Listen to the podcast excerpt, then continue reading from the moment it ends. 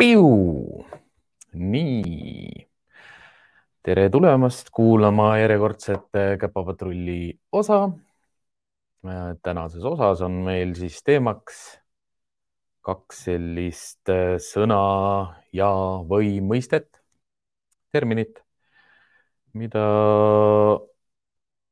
tihtipeale enam ei meeldi inimestel kasutada või koertest rääkides siis kasutada aga enne kui alustame, siis jah, kuulate Käpapatrulli kolmekümne üheksandat episoodi. minu nimi on Siim Maja, olen Käpa, olen omanimelise kooli arendus- ja koolitusjuht. ja valisin tänaseks siis jah, sellise teema. noh, jällegi eelnevatel päevadel kogetu ja kuuldu põhjal. enne veel, kui teele lähme jah, et kõik, kes kuulavad meid otse või kindlasti võtke vestlusest osa, et äh, Youtube'is kõrval on vestlusaken, sinna saate oma küsimused sisestada, mis teil tekivad seoses teemadega, mida ma käsitlen ja millest ma räägin ja aktiivne osavõtt on igatpidi nagu teretulnud ja väga meeldiv. aitab seda teemat arendada ka, mõnikord jah, muidugi läheb ka osa siis tänu sellele võib-olla pool tundi pikemaks kui tavaliselt, ta ei peaks nii pikk olema. aga mulle meeldib see ja ja kui te tahate veel minu või meie tegevust toetada, siis äh, see like imine, videode like imine, share imine, ka kommenteerimine aitab. kommentaarid on mul selles mõttes olnud siiamaani head, et need on olnud head ja sisukad küsimused ja nendele on olnud alati meeldiv vastata. aga tänane teema siis kerkis nagu noh, ütleme, et ma ei ole selline inimene ega koolitaja, kes, kes soodustab domineerimist, toetab domineerimist või tahab ise näha väga palju domineerimist. aga ütleme kaks, kolm, kolm päeva tagasi kuskil tuli jälle, kuulasin ühte podcast'i, mis on see, mida ma olen teiega jaganud ka varasemalt juba. The Bite End of the Dog ja kui ma tavaliselt nüüd viimasel ajal ei ole tema neid ülekandeid väga palju kuulanud, sellepärast et ma ei, ma ei ole temaga väga ühel nagu liinil, ühel meelel asjades, siis miks ma seda kohe tahtsin kuulata, oli sellepärast, et seal oli selline nime, nimi käis läbi pealkirjast nagu Mark Beckhoff. Marki ma olen, ma olen Mark Beckhoffiga kokku puutunud erinevatel teemadel, ta figureerib uurimustöödes, ta figureerib raamatutes, ta figureerib oma tegevusega üldse koerte maailmas, ta on tuntud nimi, ta on selline nimi, mis minu jaoks ei ole võõras. ja mind koheselt nagu kõnetas see pealkiri, kui selline mees on äh, saates. Äh, Mark Beckhoff on äh, etoloog ja koerte käitumise, noh teda huvitab ka koerte või koerlaste käitumine, ta siis jälgib või vaatleb. üks etoloog on siis koer, noh, looma käitumise uurija, looma käit-, selliste loomade, kes elavad oma naturaalses keskkonnas. ta on pikalt vaadelnud kojotte, dingosid, hunte, aga ka elevante, primaate ja ta on üldiselt selline selline väga laia silmaringiga just loomade käitumises nagu inimene ja need küsimused ja vastused, mida seal siis podcast'is arutati, need jälle tekitasid minus selliseid emotsioone. et see jääb meelde ja, ja ma tahan kaasa rääkida ja ma mõtlen alati kaasa, ma ei saa kaasa rääkida alati ja, ja, ja siis see hakkab mind kõnetama, kandma ja siis see liigub minuga koos läbi, läbi minu päevade. ja noh, kes, kes minu tegemisi jälgib, teab, et eile oli mul äh, kutsikakooli üks tund siis Nuf-Nufis, kus ma käsitlesin äh, koduse majandamise teemat või siis kodu abc-d. aga noh, see õnn, mis sellega kaasas käib, on see, et, et kui sa lähed natukene varem kohale, siis sa saad ka nautida seda Nuf-Nufi päevahoiu nagu nii-öelda puurivaba koerapidamist, kus koerad liiguvad vabalt ringi, neil on vaba voli, neid ei takista otseselt miski, nad ei ole rihmastatud Nad saavad vabalt valikuid teha, nad saavad äh, minna olukordadest ära, kui neile ei meeldi mõni olukord, nad saavad siseneda olukordadesse, kui neile tahavad suhelda, sotsialiseeruda teiste koertega. ja kui sul kogu aeg kumiseb nagu kuklas see, et, et kuida-, mis on tähendus nagu domineerimisel mm, ja kus ta jõuab selle alfani välja, ongi niimoodi, et ma täna ka äh, arutlen selle domineerimise teema üle selliselt, et ma alustan teadlikult domineerimisest, sest ma jõuan sellega alfani välja. miks ma domineerimisest alustangi, ongi sellepärast, et äh, esiteks seda mõistet kasutatakse tihtipeale valesti, seda mõistet mõistetakse valesti ja seda mõistet ka defineeritakse valesti ja ka iseendale tihtipeale osad inimesed seletavad seda justkui nagu sellisena, selliselt, et et kui sa tahad koera üle mingit kontrolli omada, et siis sa pead olema hästi domineeriv, sa pead olema üleolev, sa pead olema konkreetne, sa pead olema noh, teatud koolkondades ja teatud ringkondades ka agressiivne või ütleme, jõuline. Aga see ei ole ei koera loomuses ega ka koera nagu psühholoogias kuidagi nagu loogiline või tema käitumises loogiline, et ta ajab oma asju läbi agressiooni, agressiivselt käitudes, agressiooni kasutades, teiste üle domineerides, aktiivselt domineerides teiste üle, et see ei ole koera loomus, ta küll on koera loomus sellistes olukordades, kus koer elab inimesega koos ja noh, sellest ma täna proovingi natukene rohkem avada seda, et miks, miks selle inimesega koos elades just see domineerivad äh, käitumismustrid või domineeriv käitumine või üldse domineerimine kui selline avaldub tihti iga päev ja kogu aeg ja järjest rohkem ja rohkem. Ah, noh, juba esimene küsimus, nii tore. mida arvad sellest, et noored koertekoolitajad ütlevad, et neid sõnu ei tohigi kasutada, et need on valed? Et üldiselt, äh, kui see koolkond on läinud selliseks, et all positiiv ja ainult positiivne ja kui sa elad nagu võib-olla üksinda oma koeraga koos või sul on selline koer, kellega sul on hea läbisaamine, hea, hea suhe, sa hommikust õhtuni näiteks tegeled temaga ainult äh, klassikalise tingimise, operantse tingimisega, treenimisega, dresseerimisega. see tundubki nii fun ja äge ja lõbus, sellepärast et äh, koerale meeldib ka sinuga koos nagu olla, mängida, teha ja täita sinu käske ja, ja kui koerad on, noh, ma ise ka ei mõelnud koertega töötates sellest, et, et kas mu koer domineerib mu üle või ei domineeri. sest mina korraldan tema päevakava, mina tegelen temaga. kõik on läbimõeldud, kogu aeg tegevus käib, ta on mul mõttes ja enamuse tegevusi ja tegemisi juhin mina. noh, vähemalt mulle endale tundub niimoodi, sellepärast et ma õpetan talle toiduga erinevaid käitumismustreid ja ma, ma jagan temaga mänguasju ja mängin temaga ja äh, mis nagu mulle jäi juba riivas silma siis, kui ma teenistus töötasin, oli see, et, et kuidas osad koerajuhid jätavad mänguasju koerale kätte ja, ja kuidas hästi palju asju tehakse toiduga. ja hiljem ma olen näinud seda ka, et, et kuidas sellest toidust ei saada enam lahti ja koer on mingi viieaastane, ikka veel tehakse toiduga mingeid asju. et ammu oleks pidanud juba toidu pealt ära minema, ikka veel ollakse toidust kinni miks üldiselt ei tohi siis selliseid sõnu, noh, miks ei kasutata või, või ka öeldakse, et ei tohi kasutada, sest nad arvavadki, et, et niisugust, niisugust asja kui domineerimist ei ole. noh, esiteks juba sellepärast, et kui koer on sotsiaalne ja viisakas, siis ta ei domineeri ka teiste üle väga palju. Need domineerimise jõujooned või kehakeele märgid ei ole nii tugevad, nii, nii esile, esile kerkivad, nii domi-, nii dominantsed. et kus ma ennem selle oma jutuga tahtsingi minna, et kui me laskume hästi palju sellisesse nagu jõulisesse konkreetsesse maailmavaatesse või nurka, kus me arvame, et me domineerime koera üle, siis see on igatpidi nagu liig, mis liig. koerte maailmas ei ole nii palju sellist nagu füüsilist tugevat domineerimist, vaid domineerimisest me saame rääkida ka lihtsalt sellest, et mis õigused mingil koeral on, mis õiguseid ta enda omaks peab milliseid mänge ta juhib ja võidab. ja mille eest ta näiteks ka preemiat saab või noh, tähelepanu saab, mille eest ta, mille eest ta saab inimese tähelepanu, mille eest ta kuuleb inimese häält.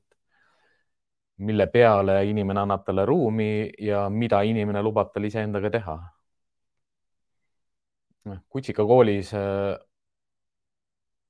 need kutsikakoolid, mida mina ise tegin kaks aastat ja see kutsikakool, mida ma eile grupina läbi viisin, see tuletas mulle lihtsalt nii palju meelde seda jälle, et, et kui, kui palju juba kutsikad kohe, kui nad silmad lahti teevad, nad hakkavad kohe äh, domineerima või nagu proovima erinevaid domineerimise märke, võtteid, eesmärke ja mi, mis siin on hästi oluline nagu mõista, on see, et koer ei tee seda meelega, noh, ta ei tee seda eesmärgistatult, planeeritult, kavandatult, vaid ta teeb seda lihtsalt sellepärast, et ta on koer. Ja sedasama tuleb mõista kõikide loomade puhul, et äh, matriarhid ja alfad ja siuksed juhtivad koerad, noh, koerad, hobused, elevandid, mm, surikaadid, mm, nad ei sünni nagu maailma selleks, et, et teiste üle domineerida. aga domineeriv käitumine või domineerimine kui selline toimub kogu aeg erinevate loomadega, erinevates kontekstides, erinevates keskkondades. mul endal tuleb kogu aeg meelde see osa, kus ma rääkisin sellest, kuidas osad koerad võtavad lihtsalt seda, et sa oled nendega samas ruumis juba sotsiaalselt äh, raskena, ehk siis nad annavad sulle ruumi, nad hoiavad sinust eemale, nad ei taha sinuga eriti midagi teha. see ongi sinu, sinu see domineeriv osa, mida sa ise ei pea nagu isegi mitte mängima, vaid sa pead lihtsalt olema. sa oled olemas ja see on juba sinu domineeriv positsioon nende üle. hästi huvitav on jälgida ka koerakarju või kutsikaid just selliselt, kus äh, see domineeriv käitumine on ka hästi dünaamiliselt sisse põimitud mängu, kus sa algselt see mäng hakkab lihtsalt sellepärast, et nad on rõõmsad ja erutunud, nad hakkavad üksteist taga ajama. tagaajamise tõttu tekib ühel saagiinstinkt, teine liitub veel, siis on kaks tükki juba ühel järgi.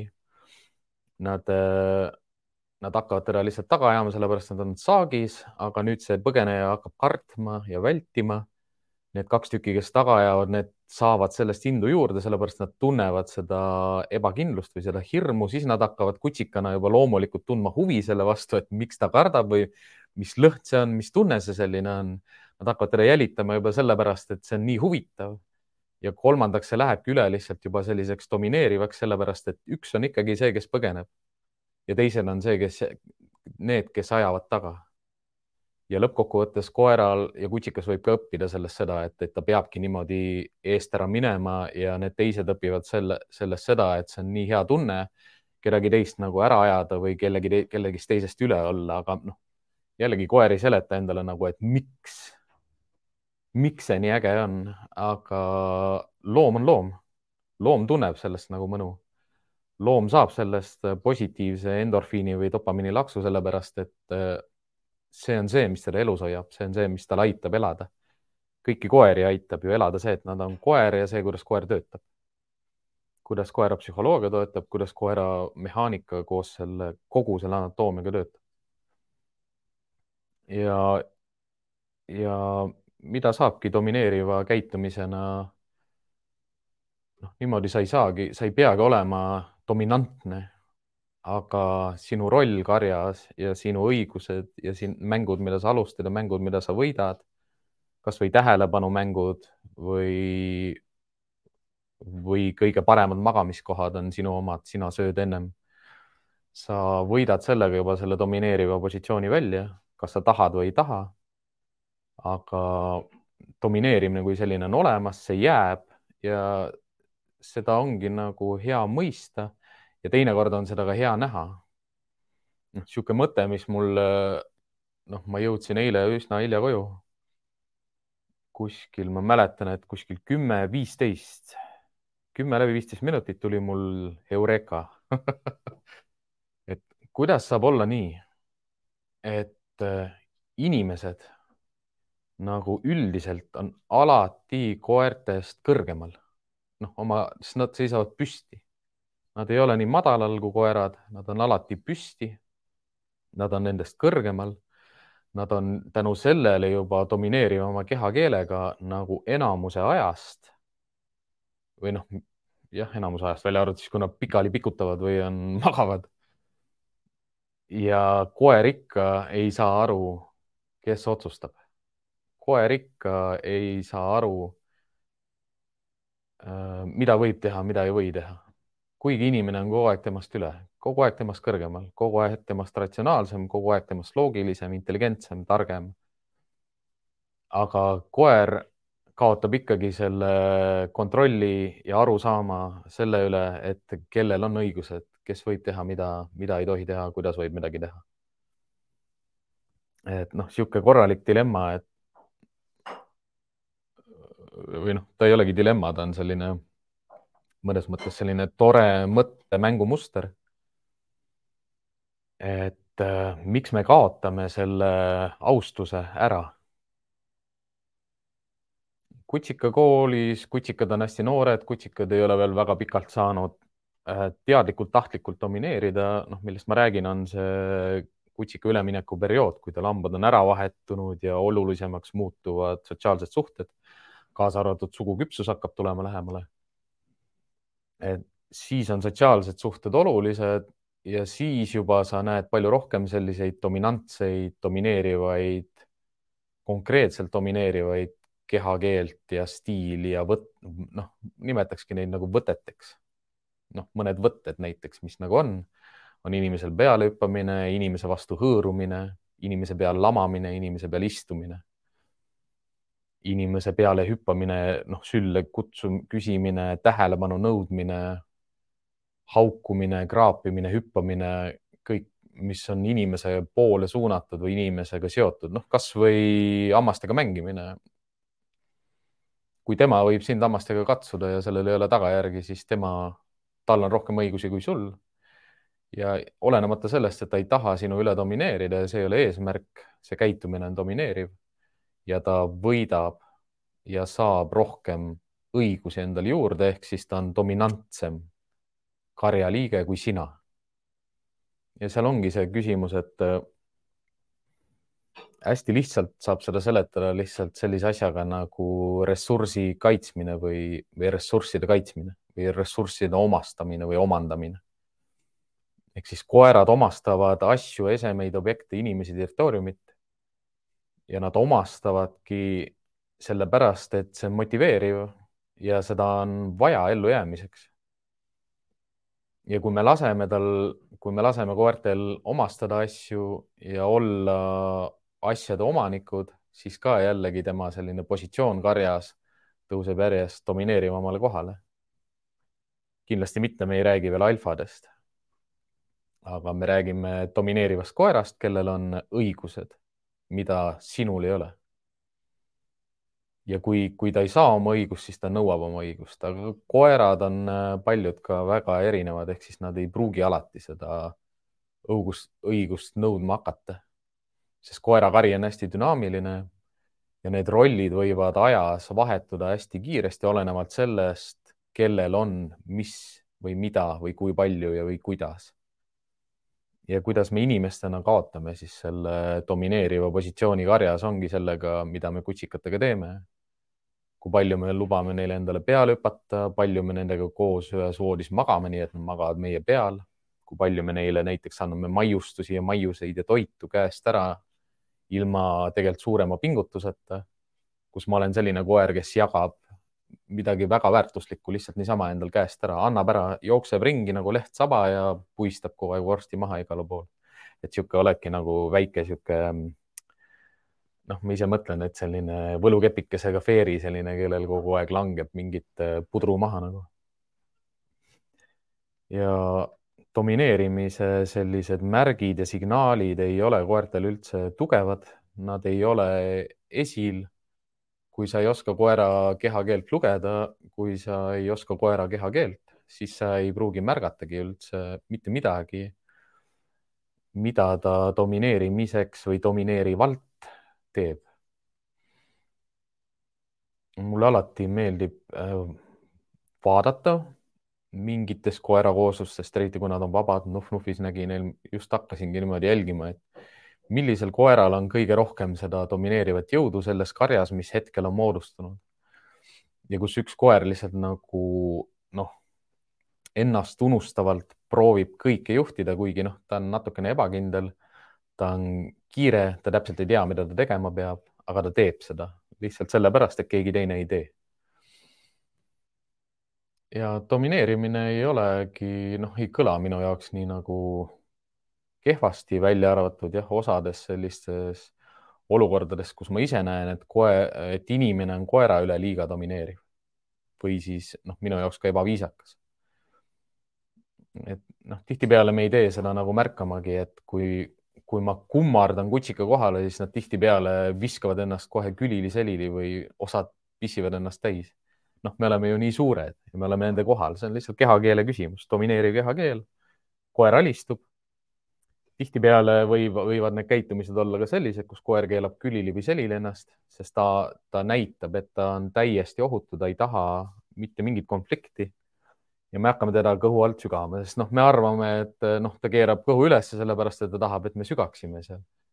ma kujutan ette nagu enda lapsepõlve ka, et ma mäletan seda esimest äh, puudlit, kes oli mul vanaisal, vanaema juures, Charlie et noh, samamoodi väike laps ju oled ka, koer viskab kõhuli, sa ronid ka tema peale ja, ja sügad teda ja katsud igalt poolt.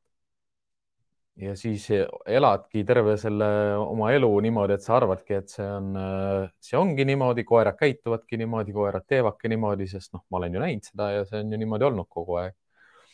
kui sa astud sinna koerte käitumise psühholoogia maailma või etoloogia maailma, kuidas koerad elavad ja käituvad, siis looduses ei keela sul ükski koer kõhtu üles, noh, võib-olla arvatad jah, sellistel väga rasketel juhtudel, kus ta peab oma elu, elu eest nagu seisma, et mitte viga saada. noh, siukseid lugusid ma olen kuulnud oma kutsikakooli raames ka, et kus äh, lahtine koer jookseb kutsika poole.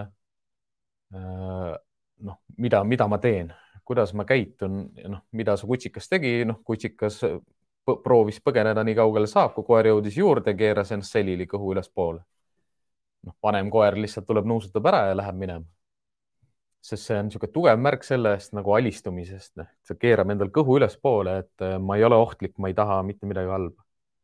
kuidas me saame selle käitumise kordama, ongi sellepärast, et kui me kiidame seda, siis, siis koer hakkab seda käitumist kordama. klassikaline tingimine.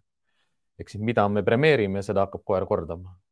ja koerad õpivad noh, kiiresti ja korduvalt sellepärast ka, et kui, kui koer seda nagu järjepidevalt ja kindlalt teeb, noh, iga päev, kui ma koju jõuan, keerab ennast selili ja ma sügan teda iga päev no,.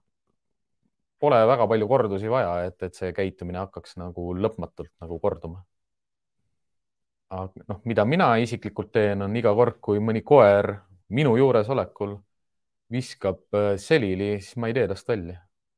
sest ma tean, et ma ei saa seda käitumist premeerida ja, ja teiseks ma tean seda, et mul ei ole vaja olla tema üle nii domineeriv. sest ma ei võida sellega ju usaldust ja austust. et me võime pikas perspektiivis ka koera kõhualuseid sügades kaotada seda iseenda austust ja usaldust, mida koer tahab omada me, meiega koos olles, et see koostöö nagu toimiks ja töötaks jah, ma kasutan ka ise selliseid domineerivaid võtteid, aga ka domineerivaid võtteid ma kasutan pigem mängus ja mänguasjadega, kus ma õpetan koerale, et kui mänguasjad on minu omad ja need on maas, et ta ei tohi võtta või kasvõi kui kutsikad võtavad igasuguseid asju suhu ja tahavad mähkmeid süüa ja kommipabereid ja kõike, mis krõbiseb ja viineripakke, mis on veel selle maitsega koos ja lõhnaga koos et sama asi, et või oks või käbi või noh, mis iganes koer võtab hammaste vahele, et kui ma võtan selle talt hammaste vahelt ära ja panen maha, siis ma ise lähen selle asja kohale. nii kaua, kui ma olen selle asja kohal, on see minu oma ja ta ei tohi seda võtta. see on ka selline ju lihtsalt kehakeeles domineerimine, tema isiklikku ruumi sisse minemine või tema asjade üle domineerimine, et ta ei võtaks neid asju enam, sest need on minu omad. ja noh, ma lähen ikkagi ringiga jälle kogu aeg sinna tagasi, et eh, kui on sellised koerad, eh, keda mina olen hoidnud kutsikas peale, keda, kes, keda mina tean väga hästi ja kes mind teavad väga hästi, lihtsalt minu lõhna järgi juba. siis äh, osadel nendel on äh, nagu see vältiv käitumine või distantsi pakkuv käitumine või eemalhoidev käitumine hästi tugev. aga ma ei ole domineeriv, ma ei taha neid domineerida, aga mul on hea meel, et nad austavad minu piire. aga tihtipeale ma ei taha, et nad nii kaugel minust oleks. aga miks nad nii kaugele minust lähevad, on sellepärast, et kui nad oma inimestega koos on siis nad saavad nende üle domineerida, aga minu üle ei saa ehk siis noh, miks, miks koera käitumise spetsialisti või ka etoloogina on lihtsam nagu elada, sest sa teed vahet nagu sellele, et kas loomad hakkavad sinu üle võimust võtma või sina lihtsalt elad niimoodi, et nad ei hakkaks seda üldse tegemagi. ma ei pea vastu nende üle võimu välja näitama, ma ei tohi lasta neil enda üle võimu võtta ja see on kõik äh, domineerimisega seotud. kui palju, kuidas minu käitumine on, kas siis domineerimist vältiv, domineerimist mitte lubav, domineerimist piirav, domineerimist keelav. aga loomulikult ma ei käi, ma ei käi niimoodi ringi, et ma taon seda trummi, et äh, koerad on dominantsed, koerad on dominantsed et pigem on ju see, et me lihtsalt inimestena ise oleme selle, ei pane seda tähele ja anname lihtsalt käest ära. mitte selle, jälle tulen tagasi, koerad ei taha olla domineerivad, aga nad lihtsalt elavad oma loomaelu ja kui me laseme neil oma isiklikku ruumi sisse tulla ilma küsimata, kui me lubame neil enda peal magada, kui me lubame neil enda otsas lösutada, enda vastu hõõruda, oma peale hüpata, kui me ei suuda endale ära seletada, et miks õue minnes koer mind pükstest ja varrukatest ja sõrmedest kogu aeg kisub. Miks ta rihmast kinni võtab ja hakkab sellega mängima, miks ta, noh, vahet ei ole, mis ma selle rihmaga teen, noh, olen kümme korda selle juba kokku sidunud, ikka ta hakkab mängima sellega. Nad, nad domineerivad nad juhivad, nad, see ongi domineeriv käitumine, need on nii pisikesed ja väiksed asjad, aga noh, me, me ei tee tihtipeale sellest märki või teine osa on sellest, et me ei oska lihtsalt sellega mitte midagi peale hakata. ja koer võidab, võidab ja võidab ja iga päev võidab. Aga ega ta ei ole kurb selle pärast. koerad ei, ei muutu kuidagi nagu vihaseks, kui nad domineerivad. et domineerimine ei ole ainult see, et ta uriseb, näitab hambaid ja augub ja ründab. see juba on ju agressioon, see ei ole enam mitte kuidagi, noh, domineerimine võib minna nagu üle, üle piiri ja, ja teine koer võib hakata nõudma mingeid kindlaid piire, aga kui ma selle kutsikakooli näite juurde tagasi lähen, kus kaks koera või kolm kutsikat näiteks ajavad ühte kutsikat taga, siis ega see üks kutsikas ei pruugi mitte kunagi nagu võita seda olukorda, sest ta lihtsalt ei ole sündinud siia maailma sellise pagasiga. siis saab inimene alati appi minna ja vahele minna, aidata ja peabki minema vahele. ja noh, eilses Kutsiga koolis ma mäletangi seda, et, et äh, uksest tuli sisse ikka noh, ütleme iga teine kutsika omanik tuli niimoodi, et kutsikas oli süles, noh, minu esimesed sõnad on pane kutsikas maha, võta rihm küljest ära, pane kutsikas maha, võta rihm küljest ära. ei võta koera sülle, pane ta maha. ja kui nad mind kuulavad ja pilgud on minu poole, terve see grupp ja need koerad jooksevad seal ringi, mängivad omavahel ja siis ikkagi käsi tõuseb ja keegi küsib, et mis ma siis tegema pean, kui see mäng läheb üle, üle käte või millal tuleb see hetk, kui ma pean sekkuma? Ja minu vastus on alati lihtne, et ärge muretsege, et mina reageerin. ma ei suuda olla ühes ruumis koertega niimoodi, et see läheb üle piiri. aga noh, kui ma tunni aja jooksul pean kaks korda reageerima, siis seda on ikka noh, ikka vähe ja koerad ongi üldiselt sellised, ega nad ei ole oma karjades nagu agressiivsed või domineerivad. aga noh, mida kutsikates näeb ka, on seda palju, et nad tegelikult harjutavad juba seda domineerimist, nad mängivad selle läbi. ja, ja, ja oskavad ka domineerivalt käituda. et osad koerad oskavad, isegi juba kutsikana osta, oskavad olla väga sellised stoiliselt rahulikud ja korda nõudvad ja piire, piire käsivad teisi kutsikaid hoida endast eemale. Mitte nagu hirmuga ja mitte agressiooniga, vaid rahuga ja lihtsalt pilguga. lihtsalt oma olekuga, lihtsalt oma stoilise rahuga. ja seda ongi nagu vajalik inimestel näha ja kihvt näha nagu kutsikakoolid, enamus peaksid sellisel baasil töötama, et koerad ei ole piiratud siis oma inimese külge või oma inimese lähedale, sest siis tal ei ole seda valikuvabadust. Ja kui vabi, valikuvabadust koeral ei ole, siis tal tekib ikkagi selline frustratsioon, kus ta ei saa olukordadest väljuda või olukordadest põgeneda. noh, sama on sülle võtmisega, et selliseid olukordi ei tasu koertele tekitada, kus nad ei saa olukordadest ära minna siis, kui nad ise tahavad. ja noh, miks on oluline jälgida seda, et koerad ei domineeriks inimeste üle, ongi just see edaspidine elu koos oma koeraga. kutsikana ei ole veel väga viga, et kuskil neljas-viies elukuu, osadel koertel, isegi suurtematel koertel kuni kuuenda elukuuni ei ole veel väga selliseid märke, kus nad hakkavad mingeid asju juhtima või kontrollima, muutuvad agressiivsemaks või, või häälekamaks. ja, ja ja üheksakümne üheksal protsendil juhtudest, millega ka minu poole pöördutakse, on ju lihtsalt ju suures pildis ja läbilõhki lihtsalt seotud sellega, et koer on saanud mingeid olukordi domineerida terve oma teadliku elu või senise elu. ja mitte keegi ei ole talle suutnud ära seletada, et tema ei ole see, kes domineerib ja küsimus ei ole jälle selles, et, et kas, kas tema ei ole see, kes kõiki hammustab, kõiki, kõikide peale augub ja kõikidele hambaid näitab. see ei ole domineerimise mõte. domineerimise mõte on see, et, et kelle oma on äh, kõige parem söök, kelle omad on mänguasjad, kelle oma on kodu, kelle oma on pesa, kelle omad on teised inimesed. ja kuidas ma seda kehtestan, kas ma, kas ma olen mingi selline häälekas närvihaige?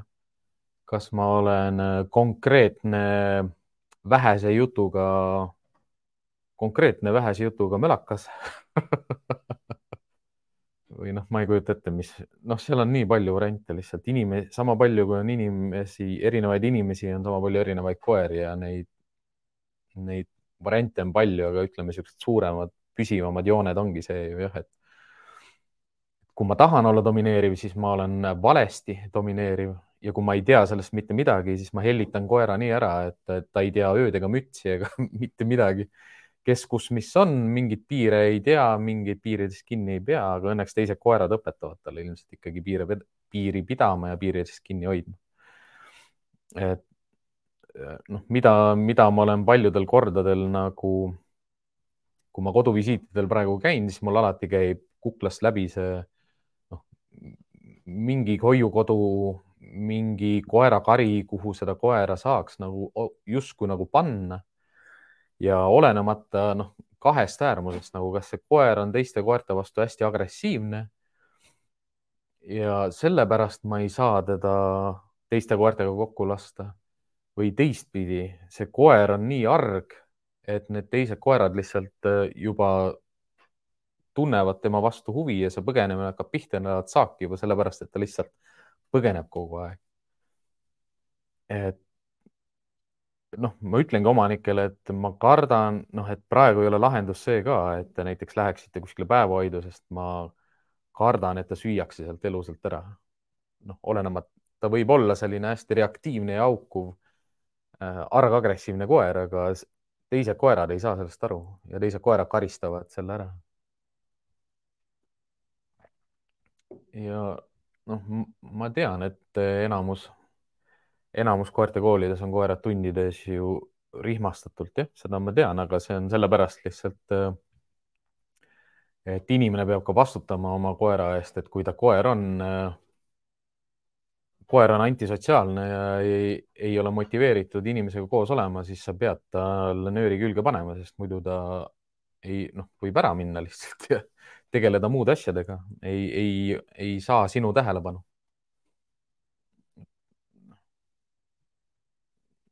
mul kogu aeg kangastub selle,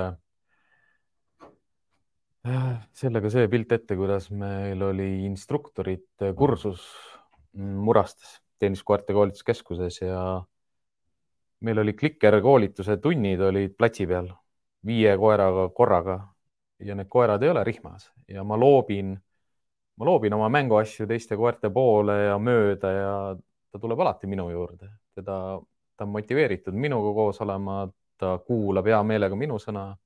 ta saab aru, et ta on turvalises ja ohutus kohas. ta teab, et ma kaitsen teda, ta teab, et ma aitan teda ja seda kõike teavad ka kõik teised koerad, aga noh see on jälle tihtipeale ainult võimalik nagu instruktorite kursusel, sest mitte nagu kõikide, kõikide koertega, kes teenistuses on. Aga just nagu rohkem ja tõenäolisemalt instruktorite tasemel, professionaalsed, kes, kes oskavad oma koera motiveerida ja oma koeraga suhelda. ja noh, mida ma alati seletan ka, et, et kutsikakoolis on kümme kohtumist üks nendest kohtumistest on jalutuskäigutund ja jalutuskäigutund on ainukene tund, kus kutsikas on rihmastatud. Sellepärast, et õues on autod, jalgrattad, elektriga sõitvad kõik erinevad asjad, mootorrattad, kärud, vankrid, jalgrattad, noh. seal on nii palju ohtu lihtsalt, et sul on, sul peab äh, olema mingi see liin küljes lihtsalt sellepärast, et teda aidata. et see noh ma võin lõpmatuseni seda küll nagu rääkida jah, et, et rihm ei ole sellepärast koera küljes, et, et ta saaks sind läbi maailma vedada. noh, välja arvatud jah, võib-olla haskid ja malamuudid. ja noh, vedavad koerad, veavad, vedavad koerad. ja noh, ja teisalt siis sellised koerad, kellel lihtsalt peab äh, rihm küljes olema nagu Akita, Shiba Inu mm,. niisugused tugevama jahiinstinktiga koerad jah, aga jällegi ainult sellepärast, et, et nad ju muidu lähevad ära ja ei tule tagasi enam et äh, noh, kui me räägime koertekoolidest ja miks seal rihmastatud koerad on, ongi ju sellepärast, et äh, ega sa lähed edasijõudnute gruppidesse, lähed juba ikkagi koeraga ju, kes on kuue-seitsmekuune, aastane, pooleteistaastane. Selleks ajaks sa oled ammu juba devalveerinud kõik oma õigused ja rollid nagu karjas ära, et sina ei otsusta enam mitte midagi. Ja niikaua, kui sina ei otsusta ja ei, ei kaitse oma koera ja ei hoolitse tema eest, siis niikaua ta ise vaatab, noh, mida ta teeb, kuidas ta teeb ja kui intensiivselt ta midagi teeb. ja noh, siin me jõuamegi selle alfa juurde. ehk siis alfa, alfa koht nagu karjas ei ole ka selline, mis on justkui nagu õnnistus et nagu noh, kõik tahaksid saada seda alfa staatust ja kõik tahaksid alfad olla ja hirmsalt tahaks alfa olla, nagu noh, hommikul ärkan üles, mõtlen, et mida ma täna teen, saaks alfaks. miks see sõna on jälle nii ära devalveeritud või nii, miks ta miks ta on teinud selliseid natuke üles-alla hüppeid või natuke noh, nagu pilti tulemist ja pildist välja minemist, on äh, sisuliselt ainult ühe mehe pärast mulle selle ühe mehe nimi praegu ei tule meelde, aga ta kirjutas kunagi väga ägeda raamatu huntidest. ja ta viitas seal äh, sees sellisele asjaolule jah, et, et, et hundid on, hundid on, hundide karjad töötavad nagu alfa tasemel ja koerte karjades on ka samasugune. keegi võttis sellest kinni ja, ja kuidagi pani selle koertele külge ja see läks nii mainstream'iks, et see jäigi nagu kestma tükk aega, et, et koerad on nagu hundid ja koerte karjades on ka alfad. mis seal on äh, hästi vale ja mida see kirjanik on ka ise nüüd äh, podcast ides rääkinud on see, et tema idee lihtsalt võeti ja see läks lendu. aga see ei ole absoluutselt õige, sellepärast et koerad ei ole nii agressiivsed kui hundid. agressiooni alfade tasemel näeb erinevate loomaliikide juures üsna palju, ütleme, et isegi ju primaatides on selliseid alfa kakluseid, kus ikkagi üks peab surema. ja ma ise vaatasin koos perega siin mingi aeg nende, oh, ma ennem tõlkisin endale selle Meerkat, Meerkat, Meerkat, surikaat, surikaatide, surikaatide dünastiad, seal on ka niimoodi surikaadid jooksevad ringi. reeglina on äh, matriarhid on siis emased ehk siis alfaemased.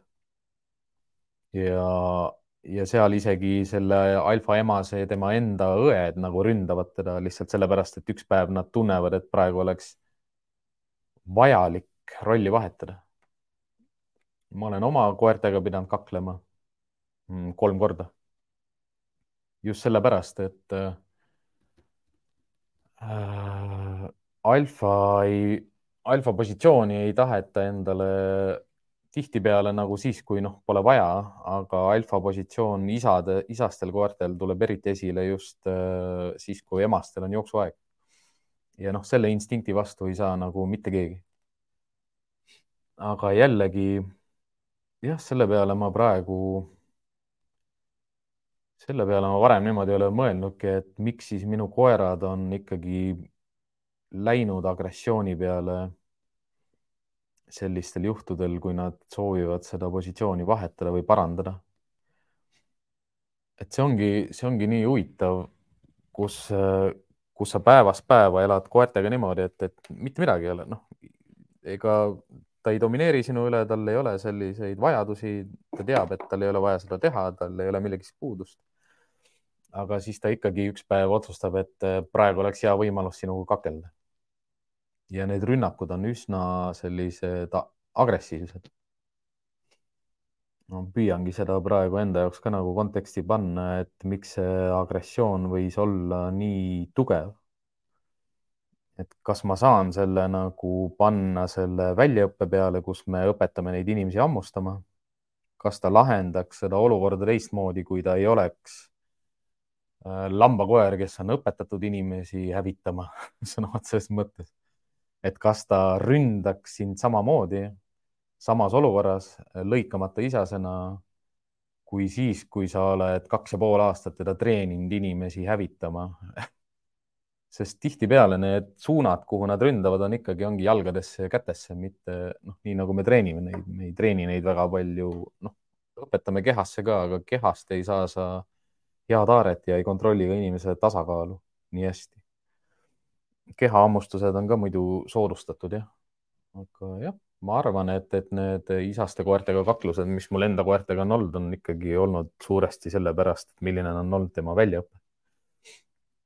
mitte sellepärast, et ta ilmtingimata peaks seda positsiooni karjas selliselt vahetama hakkama, kus ta on, kus ta on nagu hammustusele suunatud või teise, teise looma rünn, rünnakule suunatud.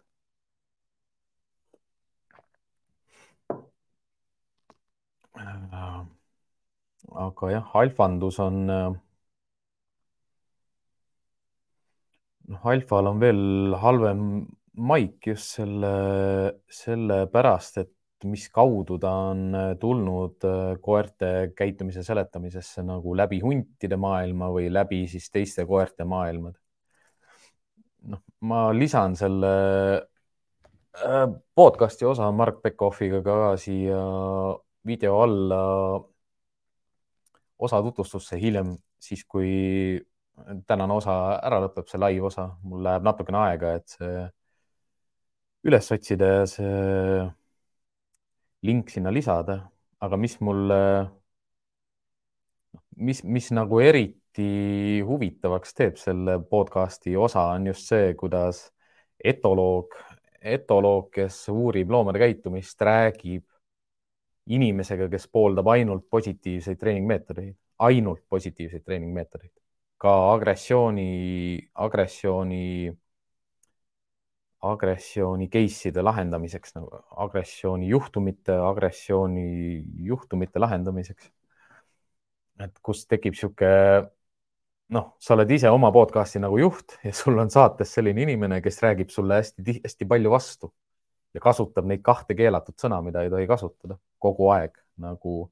ja kui sa küsid, et kas need on olemas, siis ta ütleb, et kas keegi kahtleb veel selles. et ma olen nagu aastaid jälginud koeri, dingosid, hunte ja teisi loomi ja loomulikult seal on alfad olemas.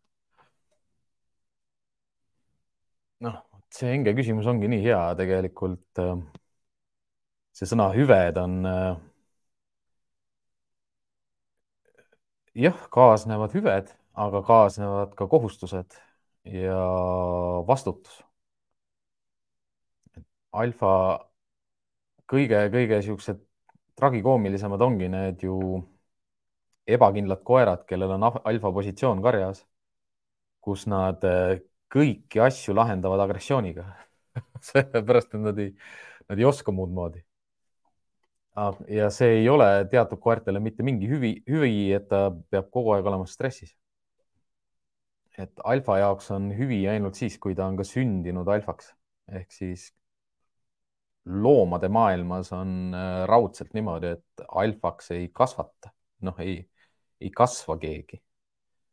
ja alfaks ei saa ka keegi lihtsalt niisama. vaid alfaks jah, sünnitakse põhimõtteliselt tal peavad olema mingid äh, füüsilised ja vaimsed eeldused selleks, et ta saab alfaloom olla. Noh, alfaloom on rahulik, enesekindel ja lahke.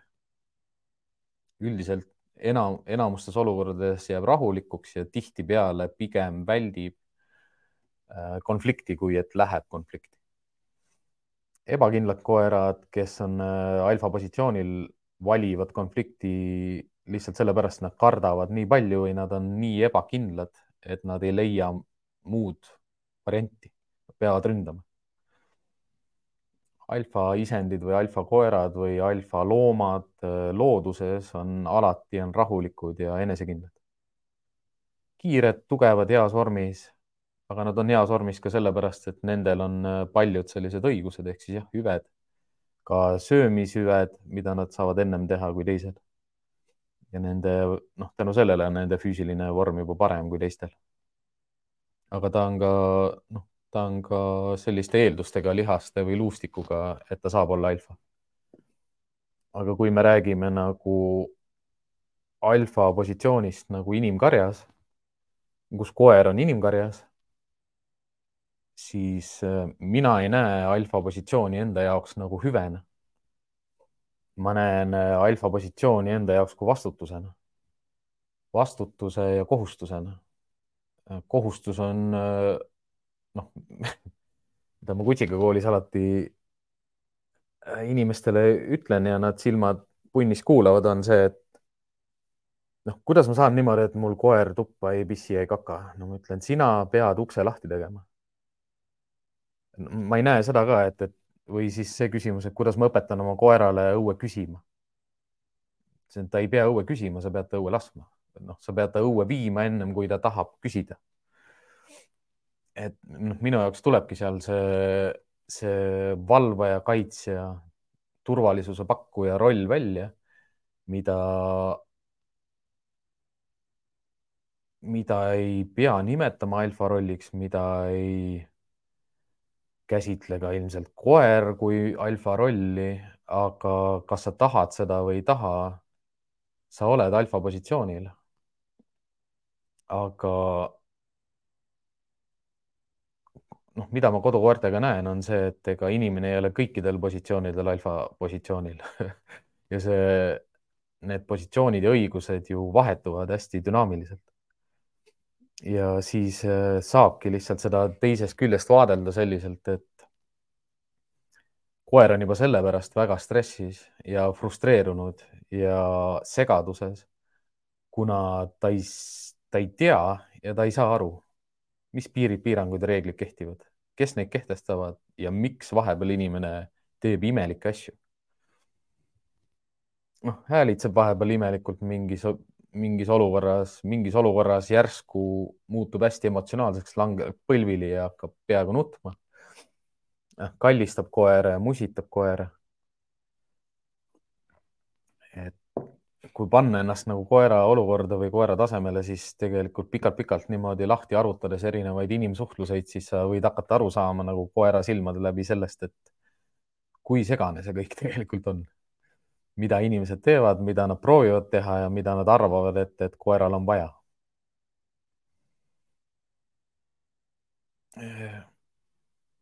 alfa ei ole mitte midagi sellist, mida, mida peab taga ajama, alfaks võib täitsa vabalt lihtsalt saada. ja jälle üks selline küsimus nagu kõlab peas, et kas koerad valivad äh, peres nagu ühe, keda nad kuulavad? ja minu vastus on alati ei. koer ei vali mit, mitte midagi, noh, selles mõttes ta ei vali, keda ta kuulab. Noh, ma küsin siis tavaliselt seda, et, et kas su mees siis nagu tõstab väga palju häält ja proovib olla konkreetne koera üle. nojah, tema suudab nagu öelda talle, et mida ta tahab. noh, mul on jälle selline väike selline naer sissepoole, et noh, jah, ta kuulab teda ainult nii kaua, kuni ta on kodus või lähedal. et siis, kui ei ole, siis, siis ta ikka ei kuula. sest äh, sa ei teeni ju seda alfa positsiooni välja või nii-öelda domineeri, noh, jah, domineerimisest ei saa siin juttu olla, sest domineerimist võib olla kõikides igapäevastes käitumistes ja pilkudes ja huulekergitustes ja hammaste näitamises ja keelega katsumises ja huultega katsumises peale hüppamises, vastu hõõrumises, noh, kõiges võib seda domineerimist sees olla. Samamoodi mänguasjade kaitsmine, kogumine, hoidmine, lõhkumine kui ka jah, toidu, toiduga seotud agressiooni küsimused või, või kugistamise küsimused. aga noh, alfa,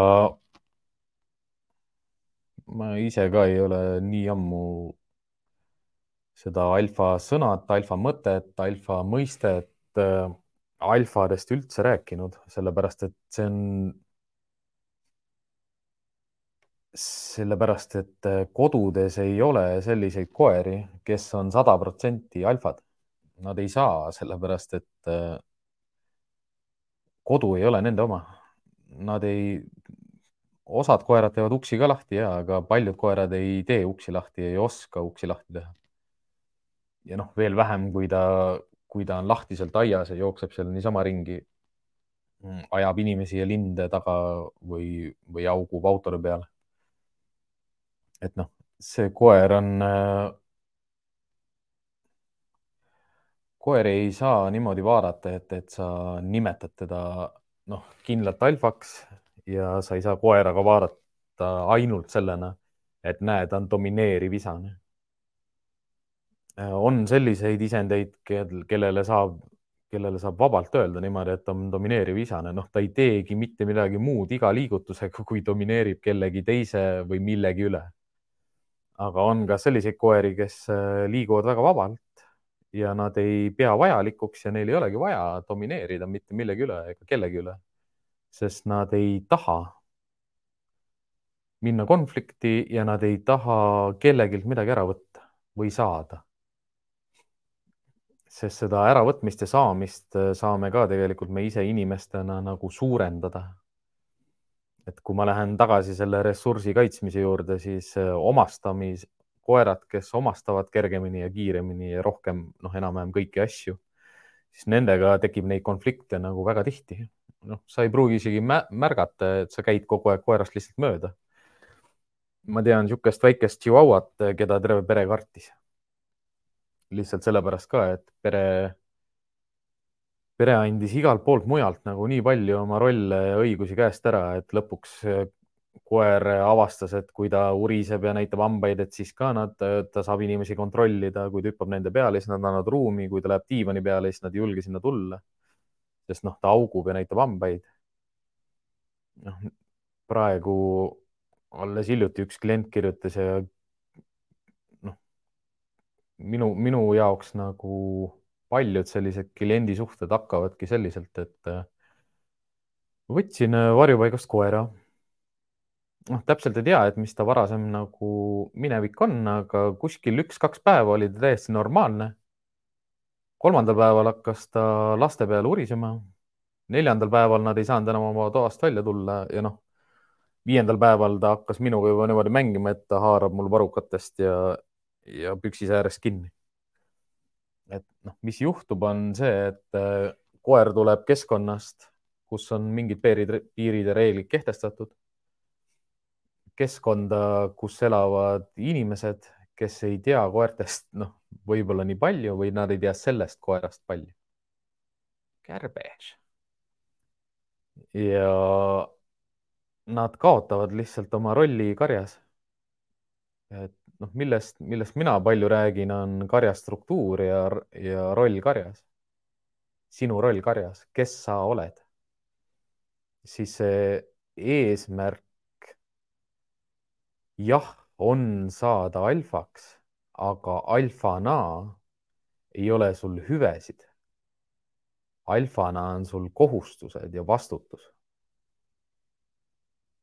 ja kui sa oskad oma koeraga niimoodi elada, et ta usub sind,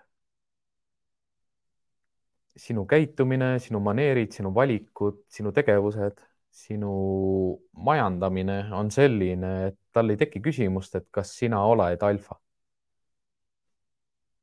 mitte sellepärast, et nii kui hommikul koju jõuad, hakkad karjuma ja vehkima oma luuavarrega. ja või siis stresseerita, noh, sõna kuulama. Ma olen, ma olen seda, ma olen seda nii palju teinud, ma olen seda nii palju näinud, et su koer võib olla nii kuulekas, noh, ta võib mündi peal istuda ja lamada. see ei tähenda, et ta austab sind. lihtsalt iga koer on nõus nagu preemia eest tööd tegema. kui sa oskad koeraga mängida ja kui sa tead, mis talle, noh, maitseb. et siukseid õhulosse maalitakse endale, neid äh, süvendatakse. ma võtan endale koera, kes, kes on kogenud noh, erinevaid rolle erinevates karjades, ütleme, et ta on viieaastane, ütleme, et ta on kaheksa-aastane, vahet ei ole, ta on koer. ja kui sa lased lihtsalt päevast päeva natukene, kogu aeg annad natukene, natukene, natukene ära sa ei näe ka seda, et, et äh, iga kord, kui sa koera pesast mööda käid, siis ta tegelikult saadab sind pilguga ja, ja, ja ta võidab sind sinu enda kodus ja ta domineerib sinu üle niimoodi, et sa ise ei saa arugi, et midagi on valesti. ja siis tulen mina sest äh, noh, koer on rünnanud ühte väikest last näiteks ja haugub äh, külaliste peale, kui nad tulevad. ja me ei tea, mida teha keelan, ütlen ei, ütlen ei tohi, ikka ei lõpeta ära. ja kui mina astun sellesse keskkonda sisse ja ma saan aru, mida see koer teeb ja ma saan aru, et ta ei tee mitte midagi muud, kui proovib igat minu liigutust domineerida, nende üle domineerida ja anda mulle domineerivalt märku, et mina juhin sind, mitte sina mind, siis, siis kangastub see pilt ju väga kiiresti ja väga elavalt sinu silme ette ma ei, ma ei usu, et ma hakkan kasutama sõnu alfa ja domineerimine, aga ei ole mõtet ka mängida sellist mängu, kus me ütleme, et seda ei ole olemas. alfa on olemas ja domineerimine on olemas. noh, üks äh, väljend veel, mida kasutatakse, on äh, assertive ehk siis ennast kehtestav, enesekindel, ütleme rahulik enesekindel, no ikkagi ennast kehtestav. et koerad on, paljud koerad on ka lisaks sellele domineerimisele ka väga ennast kehtestavad. Ja, või, ja oma õigusi ja oma territooriumit ja oma asju kaitsvad ja oma reegleid hoidvaid ehk siis ennast kehtestavad aga see ongi selline, sellised sõnad, mida eest-, noh, ingliskeelses äh, kirjanduses, ingliskeelses kõnes, inglisekeelses äh, valdkondlikus kirjastuses sa kuuled ja näed tihti ja palju. Eesti keeles me sellest eriti üldse ei räägigi noh, ma räägin ka rohkem nagu enesekindlast, sihikindlast ja rahulikust kui ennast kehtestavast ja kõike kontrollivast eh,. olenemata sellest, et kui inimesed seda ei ole, seda ei taha olla ja ei taha teha, siis koerad tihtipeale on seda, teevad seda ja ka ei taha seda teha, aga lihtsalt teevad, sellepärast inimene ei tee kui sina ei domineeri koera üle, siis koer domineerib sinu üle. noh, niimoodi, kui me räägime domineerimise kontekstis. aga mulle meeldibki see, et äh, noh, minu jaoks ei ole kumbagi sõnal nagu ei negatiivset maiku ega valet kohta ega kohatut kohta äh, valdkondlikus tekstis, professionaalses kõnes. Aga arvestades koerte iseloomu, koerte olemust, siis neid äh, mõisteid ja termineid ei ole vaja nii, nii aktiivselt ja, ja väljapaistvalt kasutada isegi sellisel juhul, kui sa usud ja tead, et need on olemas. ja noh, jah, noh, nüüd me jõuamegi selleni välja, et miks me neid ei kasuta, ongi sellepärast, et inimesed ei saa nendest aru. Noh, samamoodi nagu ma tegin ühe terve osa sellest, et mida tähendab karistus. et kui inimesed ei mõista seda, et mis on karistus, kui inimesed ei mõista seda, mis on alfa, kui inimesed ei mõista seda, mida tähendab domineerimine siis ongi hea neid mitte kasutada. eriti veel siis, kui seda ei sallita või ei mõisteta. See on justkui nagu võõrsõnade mittekasutamine või siis valdkondliku, valdkondlike terminite mittekasutamine seltskonnas, kus keegi ei ole tuumafüüsik kui sa oled, kui sa oled professionaalsete koerte koolitajate või etaloogidega koos, siis sa saad neid vabalt kasutada ja niimoodi, et kellelgi kõrvad ei liigu, kulm ei tõuse. aga kui sa oled jah, sellistes äh, tavainimestega koos, tavainimest, mõiste või termin tavainimene ei ole ka kuidagi tegelikult alandav või alavääristav, lihtsalt sellises kontekstis, kus me eristame professionaale ja mitteprofessionaale ehk siis inglise keeles layman. et nad ei peagi teadma, neil ei olegi sellist teadmist. Ja kui sa alfadest räägid, siis neil tõenäoliselt äh, tuleb see film meelde, mille pealkiri on alfa. Ja see film on ühest koerast või tähendab hundist. aga jah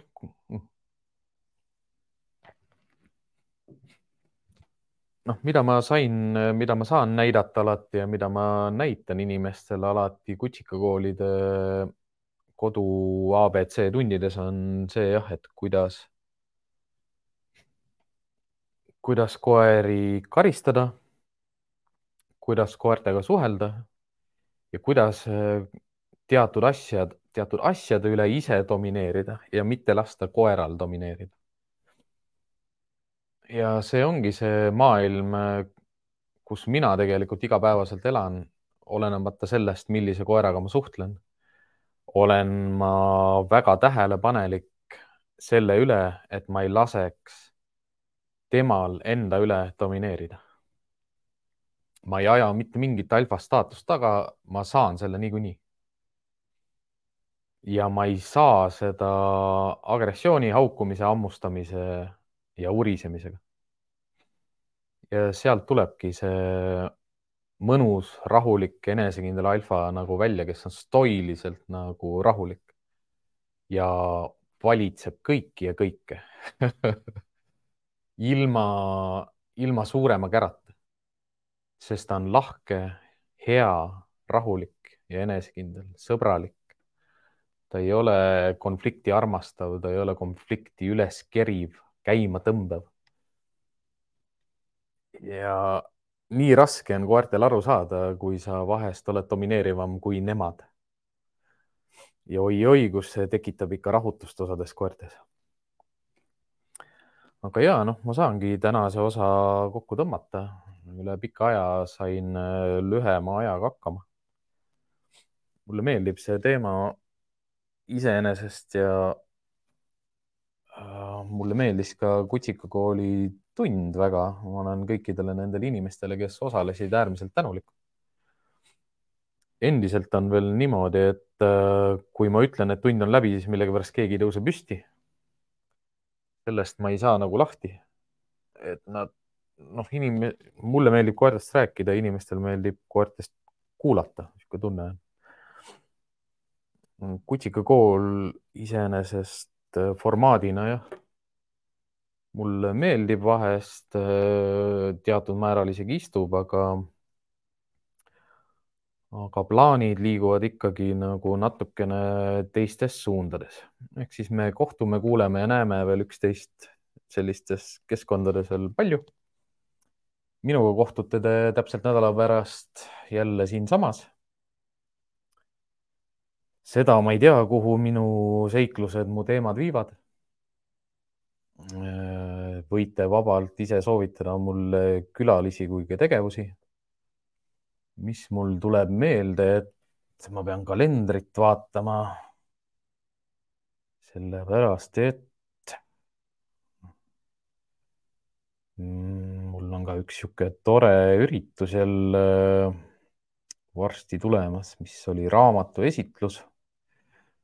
Karolin Tohv, siis kes meil käis külas ja kes täna on ka küsimusi esitanud, annab raamatu välja, kus on äh, üks peatükk minu intervjuust transkribeeritud, intervjuust minuga transkribeeritud, aga jah, ma ei, kas see oli oktoobris või, kas Karolin saad oled sa veel kuuldel, saad sa siia chati panna, et millal sul see raamatu esitlus oli? minu arust see on oluline, sest noh, mind, noh, üheksateistkümnendal oktoobril äh, Viru keskuse Toidu tänava laval on mingi sihuke asi olemas. ma arvan, et on olemas. seal võite mind kohata laivis, olen seal kohal kell seitse õhtul Viru keskuses, üheksateistkümnendal oktoobril et võime seal täiesti kohtuda. tänaseks jah, ma lõpetan, mul on hea meel, et meil on vaatajaid, mul on hea meel, et meil on kuulajaid. minna saab ainult paremaks. tellige ükspuha, milline minu kanalitest, kas see on Facebook, Instagram, LinkedIn, Youtube, Spotify, Apple Podcasts või Google Podcast. Ma ei teagi, kas nad seal Google'is on üleval, ma ei ole kontrollinud ja kui teile meeldib see, mida me teeme, siis likeige, pange see timm sinna alla, seda nupuvajutusi ei ole nagu ei võta kellelgi tükki küljest ära. ja see aitab ka meil olla nähtavamad ja, ja aktiivsemad. ehk siis jah, olge tublid alfad edasi ja ärge unustage domineerida oma koera üle sest nagu noh, te kõik teate, teadmatus ei ole lollus. head õhtut, kohtumiseni.